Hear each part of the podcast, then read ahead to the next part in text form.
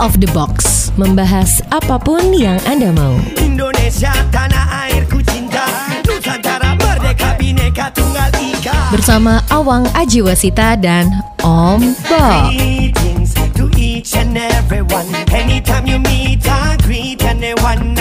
Whether it namaste assalamu alaikum. Salam, salam, salam Halo, kita ketemu lagi di Out of the Box membahas apa pun yang Anda mau.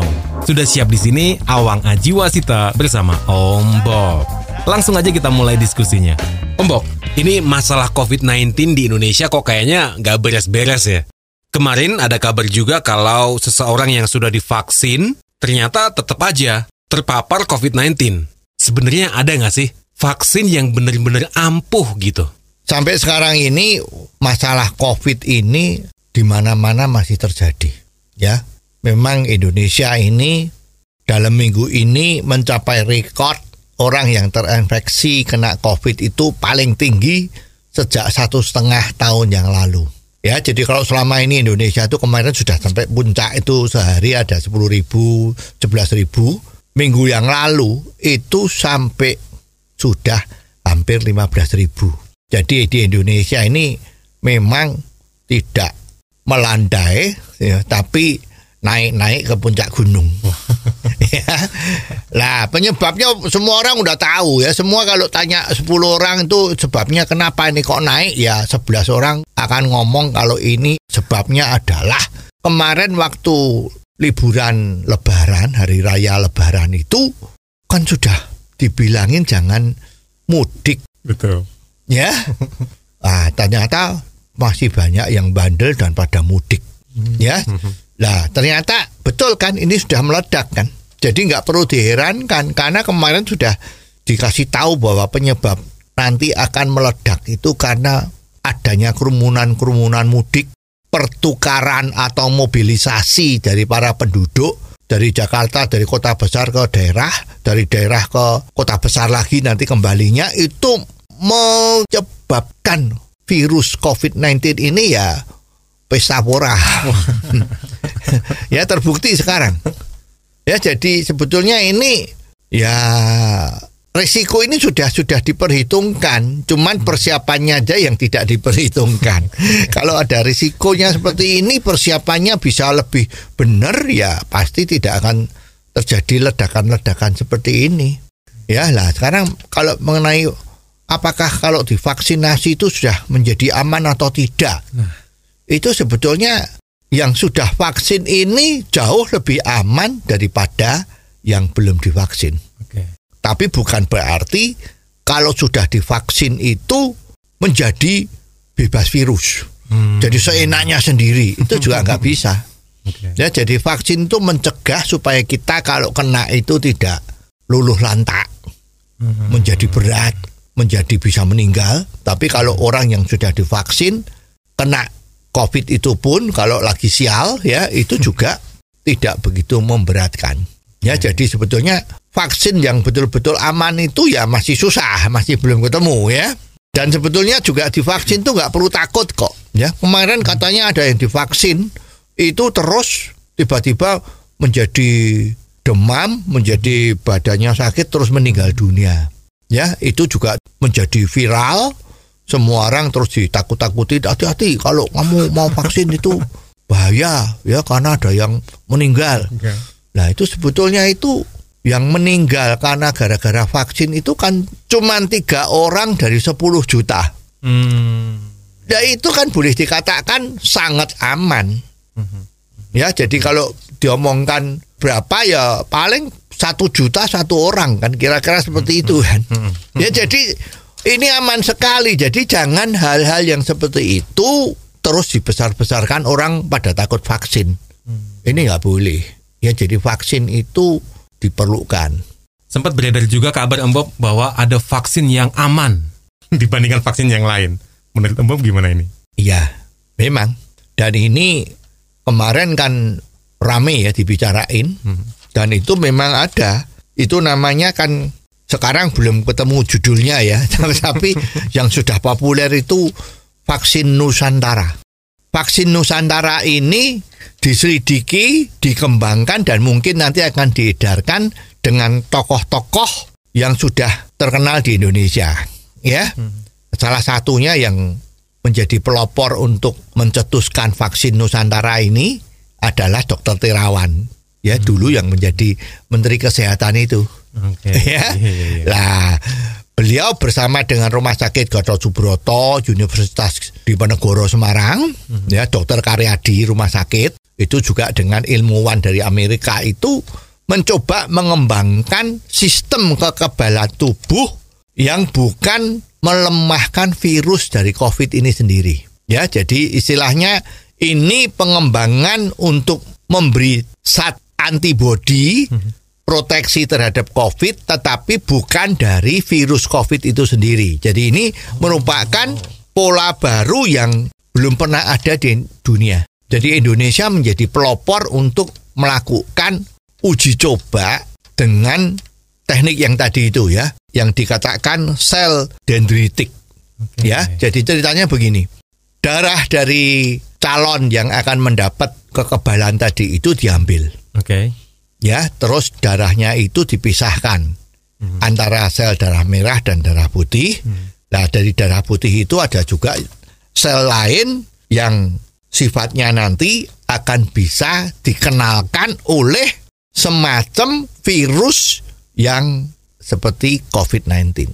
Oh. Ya, jadi hasil pemisahan darah tadi itu dicampur dengan semacam zat ya, apa namanya apa itu belum tahu lah itu bahan-bahan itu dari Amerika. Oke. dan ini adalah tugasnya mengenalkan sel-sel tadi itu terhadap sel-sel COVID-19 ya dengan sudah dikenalkan sel-sel yang antivirus tadi itu darah yang tadi diambil dari pasien tadi itu dimasukkan kembali di dalam tubuh manusianya ya jadi darahnya manusia A setelah diolah dengan istilahnya tadi sel dendritik tadi itu setelah diproses dengan dikenalkan dengan virus-virus tadi itu dikenalkan ya supaya dia tuh tahu kalau ada virus masuk oh ini virus yang ini langsung genjot. Oh. ya antibodinya langsung bekerja untuk membunuh virus itu. Jadi orang tersebut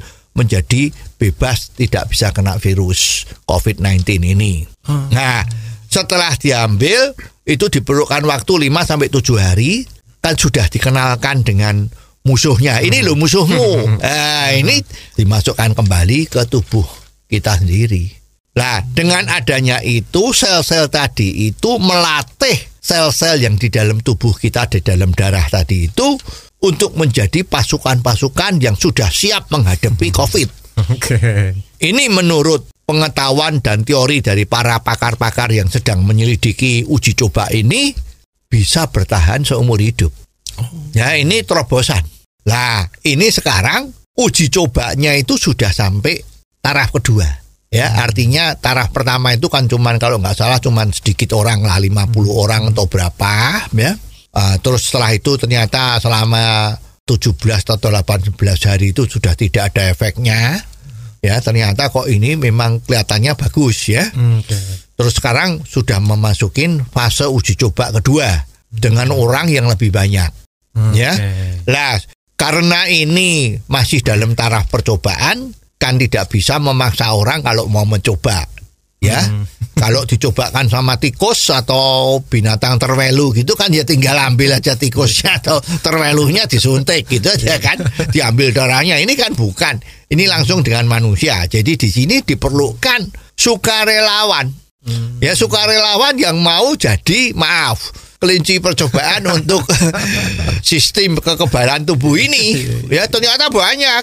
Ya yang ikut ini banyak. Termasuk tokoh kita yang sangat terkenal seorang bekas wartawan yaitu Dahlan Iskan. Oh. ya Dahlan Iskan menjadi sukarelawan untuk mencoba ini. Dahlan Iskan juga membawa teman-temannya ya yang sepaham itu untuk menjadi sukarelawan termasuk juga tokoh-tokoh dari DPR maupun pengusaha yang konglomerat di Jakarta itu juga siap dan bersedia dan sudah dilaksanakan sebagai sukarelawan dalam percobaan ini ya sampai hari ini kok belum pernah ada dengar yang negatif. Semuanya happy. Itu biayanya berapa ya Om Bob? Ya, ini pasti biayanya lebih mahal kan daripada yang lain karena ini kan nggak cuman biayanya juga waktunya karena setiap orang itu kan darahnya diambil diperlukan waktu 5 sampai 7 hari untuk dikenalkan dengan virus tadi itu. Ya, diperkenalkan dulu ini loh virusnya kayak gini, warnanya kayak gini, bentuknya kayak gini, mungkin baunya kayak gini gitu kan. Setelah kenal kan dimasukkan kembali. Hmm. Nah ini sudah siap ya. Nah itu kalau sekarang dikerjakan secara perseorangan ya satu orang demi satu orang itu biayanya mencapai 5 jutaan per orang.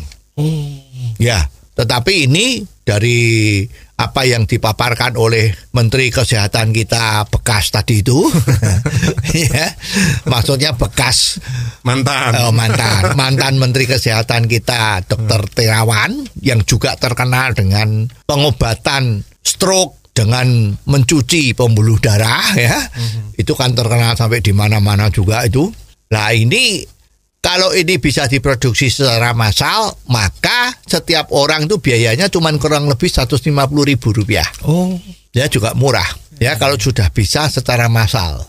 Dan ini alat-alatnya semua udah disiapkan. Ya, tinggal sekarang apakah ini bisa mendapat izin edar? Ya, kalau izin coba itu kan kalau ada sukarelawan ya silahkan. Oke. oke. Ya, tapi kalau uji coba untuk dijual di pasaran ini kan diperlukan izin. Ya, sampai hari ini izinnya ini masih tanda tanya. Kenapa ya? Iya, karena ini penemuan yang luar biasa. Biasanya kan kalau ada penemuan yang luar biasa itu memang hambatannya besar. ya contoh ya, dulu waktu ditemukan bahwa bumi itu bulat. ya pada waktu itu kan orang anggap bumi itu datar. ya tidak ada ujungnya. Nah, itu juga bingung. Kalau kita jalan terus nanti masuk jurang atau ke mana ini nggak ngerti ya. Tetapi setelah ditemukan oleh Columbus ya atau ahli falak zaman kuno itu ternyata bahwa bumi itu bulat. Ya, waktu itu kan yang menguasai kehidupan masyarakat atau orang-orang di bumi ini kan maaf kan tirani-tirani kan raja-raja kan yang apa yang dikatakan dia itu berarti betul. Kalau hukum itu adanya cuma di perkataannya dia kan. Nah, waktu itu kan pada takut loh. Menurut rajanya bumi itu datar. Sekarang kok ada filosof baru dari ahli falak atau dari siapa? Sebelum zamannya Columbus ya Oke. Itu kok bilang bumi bulat.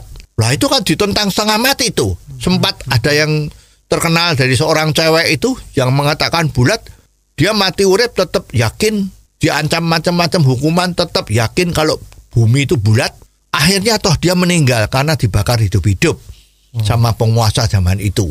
Dianggap ini setan. Wow. Ya selalu kalau penemuan baru itu memang susah. Ya seperti pohon itu katanya makin tinggi pohonnya, Makin banyak anginnya.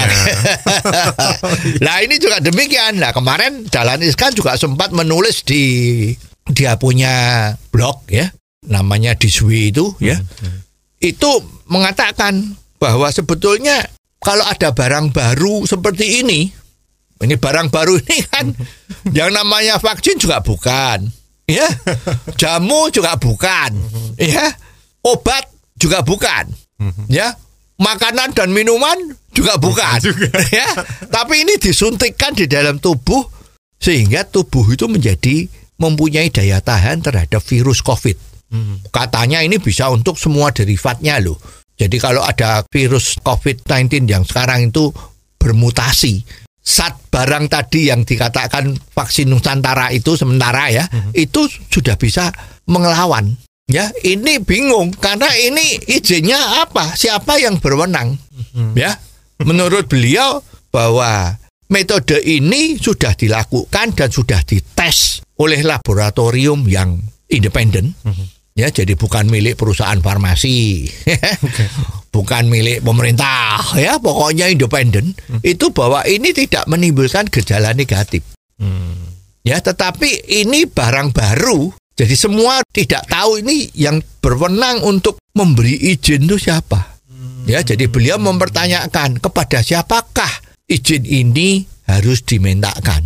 Ya, jadi saat yang tadi dinamakan sementara vaksin Nusantara yang dikembangkan oleh tim dari Dr. Terawan Rumah Sakit Karyadi dan Rumah Sakit Gatot Subroto dan ilmuwan dari Amerika itu kan bisa menimbulkan antibodi yang tinggi bagi orang yang sudah dapat terapi ini dan juga mempunyai zat proteksi yang tinggi. Jadi di samping melawan dia juga proteksi. Ini hasilnya lab yang independen tadi itu, Oke, ya. oke. Nah, sekarang kan jadi repot ini. Siapa yang berwenang ngasih izin? Karena barang ini kalau sudah jadi, ini kemarin di televisi sempat ditunjukkan ya bahwa ini sangat mudah karena sudah komplit barang-barangnya. Hmm. Ngambil darahnya nanti caranya nyampur gimana sudah ada, tinggal dipasarkan dengan harga kurang lebih 140 atau 150 ribu rupiah. Sebetulnya ini terobosan luar biasa. Kalau ini bisa dilakukan, ini membawa harum nama Indonesia. Jadi Indonesia tidak terkenal sebagai eksportir tenaga kerja wanita mau tenaga kerja Indonesia kan TKW itu kan populer sekali kalau dari Indonesia. Lah ini menjungkir balikkan. Jadi nanti yang bisa diekspor oleh Indonesia itu yang tadi yang belum ada namanya ini yang untuk mengatasi orang supaya tidak kena serangan COVID-19 dan mutasi-mutasinya yang lain. Dan istimewanya juga barang ini transportasinya tidak perlu pakai kulbok. Ya Oh. tidak perlu pakai kotak pendingin yang seperti bikinan Amerika itu yang perlu minus 80 derajat. Yang lain perlu 5 derajat. Yang ini lemari es biasalah ya. Wow. asal jangan kena sinar matahari langsung mungkin masih bisa. Wow. ini kan luar biasa sekali. Sebetulnya jadi ini ya perlu dipikirkan agar supaya Indonesia bisa berbicara di kancah dunia internasional bahwa vaksin. Kalau boleh disebutkan vaksin ya. Karena ini kan di- diambil terus disuntikan kembali ya. Terapi ini menjadi penemuan dari Indonesia. Ini kan luar biasa. Sayangnya sampai hari ini belum ketemu. Siapa yang berwenang memberi izin? Ya. Karena kalau sudah mau dijual dan diedarkan kan diperlukan izin. Betul, nah siapa? Ini masalah tadi Bulan Juli 2021 ini kan target dari pemerintah satu hari itu bisa satu juta vaksinasi. Menurut Bob ini bisa tercapai nggak ya? Wah, ini memang eh, challenge dari Presiden Jokowi ini kan memang merangsang orang untuk pikir nih. ya, penduduk Indonesia yang sekian banyak dan diperkirakan kan yang harus divaksin itu kan kira-kira 170 juta orang. Memang kalau targetnya sehari 1 juta, sebulan 30 juta, katakanlah kalau 170 atau 180 juta itu kan kira-kira diperlukan berapa itu? 6 bulan. 6 bulan. Ya enam bulan dari sekarang ya. Itu apa bisa? Harusnya itu memang harus bisa. Supaya Indonesia cepat-cepat terbebas dari serangan-serangan COVID-19 ini. Terlepas dari bandelnya masyarakat kita ya. Kemarin mudik nggak boleh mudik tetap mudik lah ini sekarang kan meledak. Ya, itu vaksinasi sehari satu juta tuh mestinya harus bisa. Tapi kalau melihat gayanya sekarang yang ada di eh, mereka yang bertanggung jawab melakukan vaksinasi ini, rasanya kok agak pesimis loh. Itu gaya seperti apa Om Bob? Ya kalau sekarang kita lihat, ya waktu kemarin dulu vaksinasi itu dilakukan demikian rumit, susah, wah ya. Jadi pertama sudah betul ya, jadi yang divaksinasi kelompok usia 60 ke atas, manula. Betul. Betul, itu udah bagus. Terus setelah itu orang yang melayani eh, umum, ya, nakes, dokter, terus kepolisian, TNI, menteri, ya, anggota DPR. Wah itu betul, karena itu very important person, ya kan, Yeah, penting yeah. tuh. Nah, setelah itu ternyata lambat.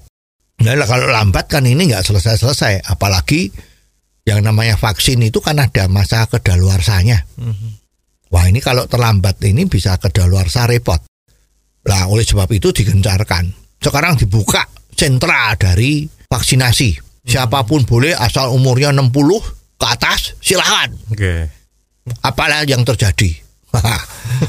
yang terjadi maaf ada orang datang ini misalnya di Jakarta kan. Oke. KTP Tangerang tidak boleh. Hmm. Ini hanya untuk Jakarta penduduknya. Waduh. ya macet lagi. Terus ada lagi, boleh asal kamu memang penduduknya bukan Jakarta, misalnya dia penduduk Surabaya, KTP-nya, tapi kerjanya di Jakarta, kan ada itu. Ada. Maaf, ini hanya untuk KTP Jakarta atau kalau kamu domisilinya di Jakarta. Oh. Buktikan dulu domisilinya. Suruh minta surat domisili dari RT, RW, kecamatan, atau mana lagi gitu. Lah ini kan namanya memperlambat. Ya, ini ini ini salah satu contoh ini birokrasinya seperti ini. Juga kemarin kalau ada yang di Jogja itu yang sempat viral, gitu, yang ada kan memang dari lembaga keagamaan apa gitu ya. Itu bahwa melayani eh, vaksinasi untuk umum. Tetapi pada saat yang masuk, yang daftar atau mau yang ikut vaksin itu bukan dari golongannya. Mohon maaf, ini hanya untuk dia sendiri, golongannya dia. Walaupun ini sudah diralat ya, tapi itu sudah kejadian gitu ya. Sekarang ini kembali bahwa sekarang harus digencarkan. Ya, makanya kita sekarang kan kita lihat banyak sekali. Ya, banyak sekali mulai digencarkan untuk umum. Ya, mungkin dianggap umur di atas 60 itu sudah hampir habis. ya, hampir habis ya. Terus eh, sekarang untuk umum ya di mana-mana dilakukan. Lagi-lagi kalau hari Minggu tuh nggak dikerjain. Pegawai negeri hari libur. Jadi ini sense of urgenitasnya itu gimana? Hari besar nggak ada vaksinasi. Ya diumumkan vaksinasi pada hari Minggu. Wah luar biasa ini. Banyak orang yang datang hari Minggu, maaf. Ternyata hari Minggu enggak. Tapi mulai besok hari Senin. Semangat urgennya ini nggak ada. Ya, nggak cuman itu. Masih ada yang bilang ini hanya untuk penduduk kota. Yang kabupaten nggak boleh. Yang kabupaten ini hanya untuk penduduk kabupaten, yang kota tidak boleh. Udah begitu, harus daftar dulu lewat RT, RW maupun kecamatan. Tunggu panggilan, macam-macam.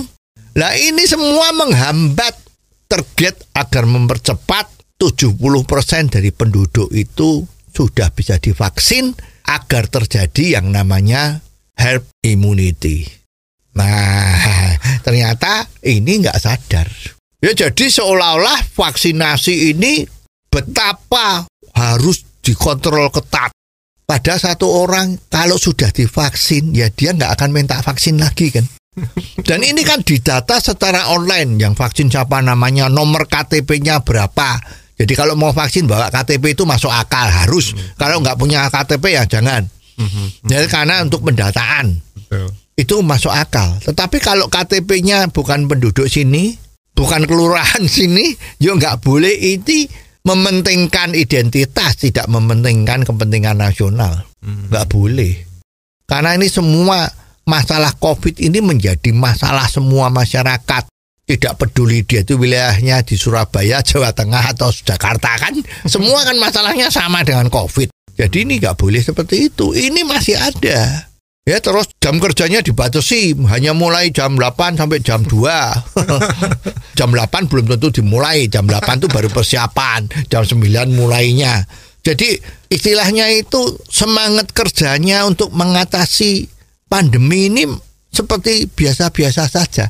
Kan harusnya extraordinary dong. Kalau di luar negeri seperti apa ya untuk vaksinasinya? Ya kemarin ada tulisan yang sangat menarik itu dari Asrul Ananda. Sekarang dia jadi bosnya itu Liga Bola Basket. Itu dia kemarin ke Amerika. Ya dia udah divaksin di sini dua kali ya. Oke. Dia ke Amerika ada acara di sana. Dia cerita pulang dia cerita. Di Amerika itu vaksin itu dianggap hal yang sederhana.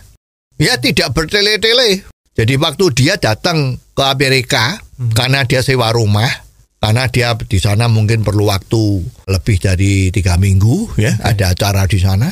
Masuk di Amerika dipikir ada karantina. Ternyata di sana dia nggak ada karantina udahan. Oh. jadi sudah luar biasa itu. Wow. dulu korbannya banyak zamannya Presiden Trump itu kan agak agak gimana gitu kan.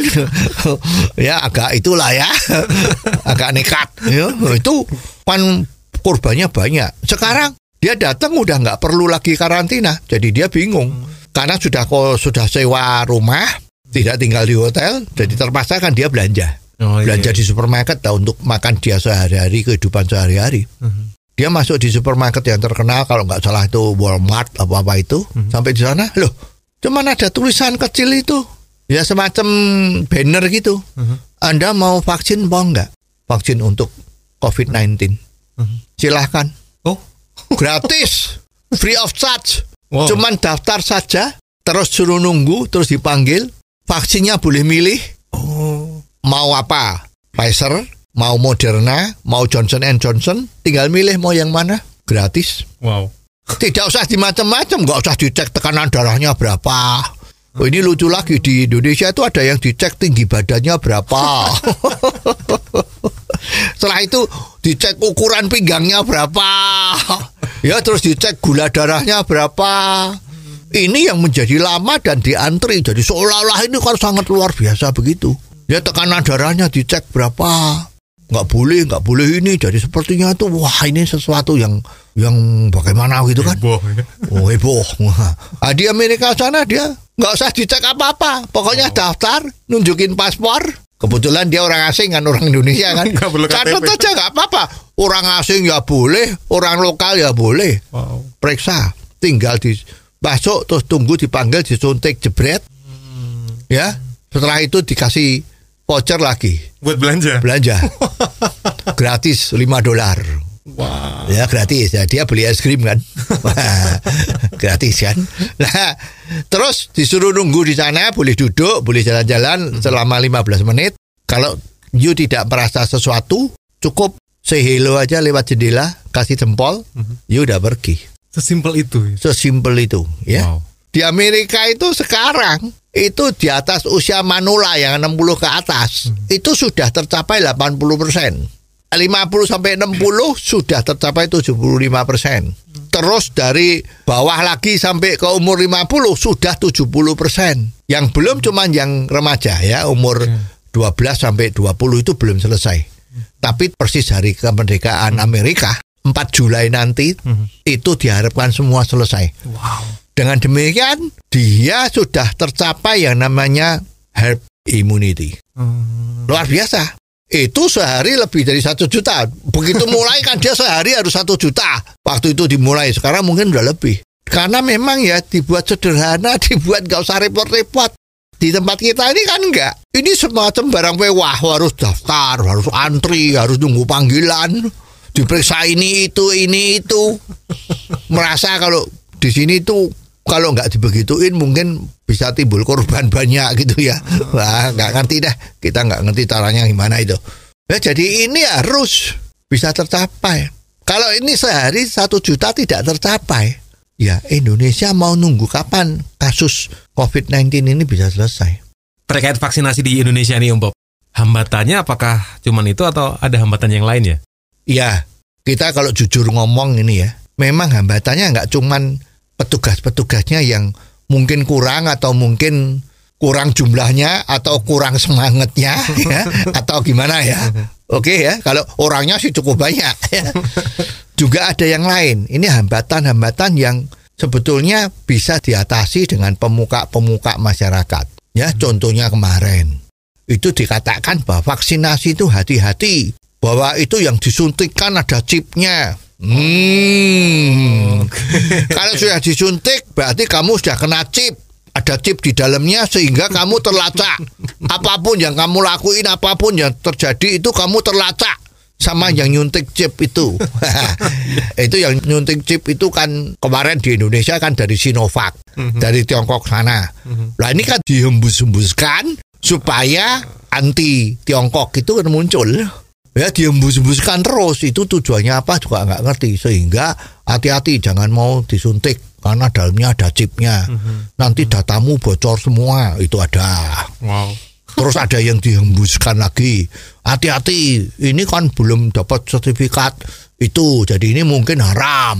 Ya, Jadi karena masyarakat Indonesia itu banyak seperti itu dan agamanya kuat semua kan.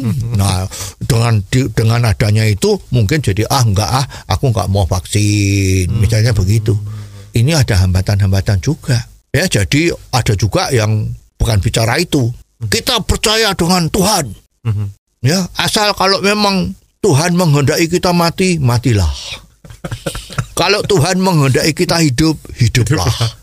Jadi kalau memang ada corona, kita nggak perlu takut. Yang kita takut adalah kepada Tuhan. Ya, jadi nggak usah vaksin, nggak apa-apa.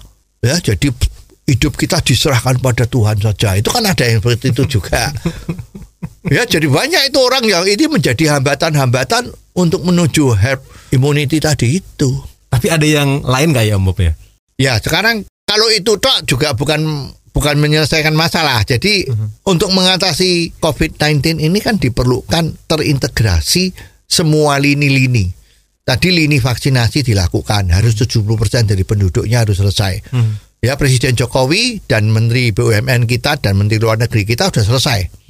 Artinya mendatangkan kontrak-kontrak untuk mendatangkan vaksin itu udah oke. Ya paling cepat di seluruh dunia itu Indonesia itu yang mem- mempersiapkan. Tapi nggak cuma itu tok, hal lainnya juga harus. Artinya itu pencegah kerumunan, pakai masker, cuci tangan macam-macam itu harus dijalankan. Nah sekarang salah satu faktor mencegah kerumunan itu kan tidak boleh mudik. Kita lihat itu kemarin waktu mudik itu sudah diimbau tetap rakyatnya bandel. Tapi yang yang disalahkan jangan rakyatnya doang. Kalau sudah ada aturan ya harus ada pencegahannya, antisipasi kan. Petugas-petugasnya oknum lah ya. Oke. Nah, itu juga harus diawasi betul. Nah, sekarang ada yang lewat lolos. ada pemuka-pemuka yang seharusnya dia jadi panutan malah bikin acara yang berjubel-jubel nggak karuan, kerumunan-kerumunan. Itu gimana? Ya. Terus dikatakan ini wilayahnya lockdown terbatas. Oh, ternyata juga lolos. yang namanya lockdown terbatas itu kan ya orang luar nggak boleh masuk, orang dalam nggak boleh keluar kan. Betul, betul. Orang dalam yang keluar masuk lagi, ah jangan-jangan dia bawa virus dari sana. Ini juga nggak ada yang ngatur secara tegas. Jadinya seperti ini. Diizinkan ya karena menurut aturan dari Menteri Dalam Negeri itu kalau memang harus ada acara kapasitasnya 25 persen salah terjemahan dianggap bahwa ini harus diadakan dengan 25 persen. Bukannya kalau memang harus diadakan tapi ini harus, Harus diadakan. mengikuti instruksinya dari menteri itu dalam negeri misalnya seperti itu. Ini semua kan jadi ini gimana? Nah dan komando gugus tugas ini juga sering tumbang tindih kepala daerah sama gugus tugas terdepan untuk mengatasi COVID ini juga sering terjadi konflik. Yang satu bilang tidak boleh, yang daerah bilang boleh. Ya, Para santri ini harus tidak boleh mudik. Yang di sini kalau sudah lama masa nggak boleh kangen, silahkan mudik. ini semua yang mengakibatkan susah untuk mengatasi. Nah, mudah-mudahan ini meledaknya penderita COVID ini setelah lebaran pada bulan Juni ini mudah-mudahan ini menjadi pembelajaran yang paling besar bagi masyarakat bahwa COVID ini jangan disepelekan. Ya, kita lihat ini masih banyak orang yang tidak menganggap serius. Dianggap ini ah enggak apa-apa lah kena enggak apa-apa. Katoh gratis dibayari pemerintah. Ya selama ini nggak pernah tidur di rumah sakit yang ada AC-nya. ya ini kalau aku kena, wah aku masuk di sana dikasih makan, dikasih obat, tidurnya enak. AC kan sejuk bawa pegunungan pulang badannya jadi sehat lagi sudah menjadi imun nah ini susah jadi memang harus dilakukan pekerjaan yang berat serius tegas dan mudah-mudahan masyarakat sudah kapok dengan adanya ini jadi tidak berbuat semena-mena. Oke. Dan sampai di sini episode kali ini. Terima kasih untuk kebersamaan Anda. Jangan lupa kalau Anda punya komentar tentang apa pun juga yang bisa kita bahas di sini, langsung aja kirim melalui WhatsApp ke nomor 0878 5590 7788. Anda pun bisa mengikuti Out of the Box versi singkat atau pendek dalam program Underline yang disiarkan setiap hari di radio kesayangan Anda ini. Ikuti juga YouTube channel Om Bob Indonesia. Sampai ketemu di episode selanjutnya di Out of the Box membahas apa pun yang Anda mau. Awang Ajiwasita bersama Om Bob. Out of the box. Membahas apa pun yang Anda mau.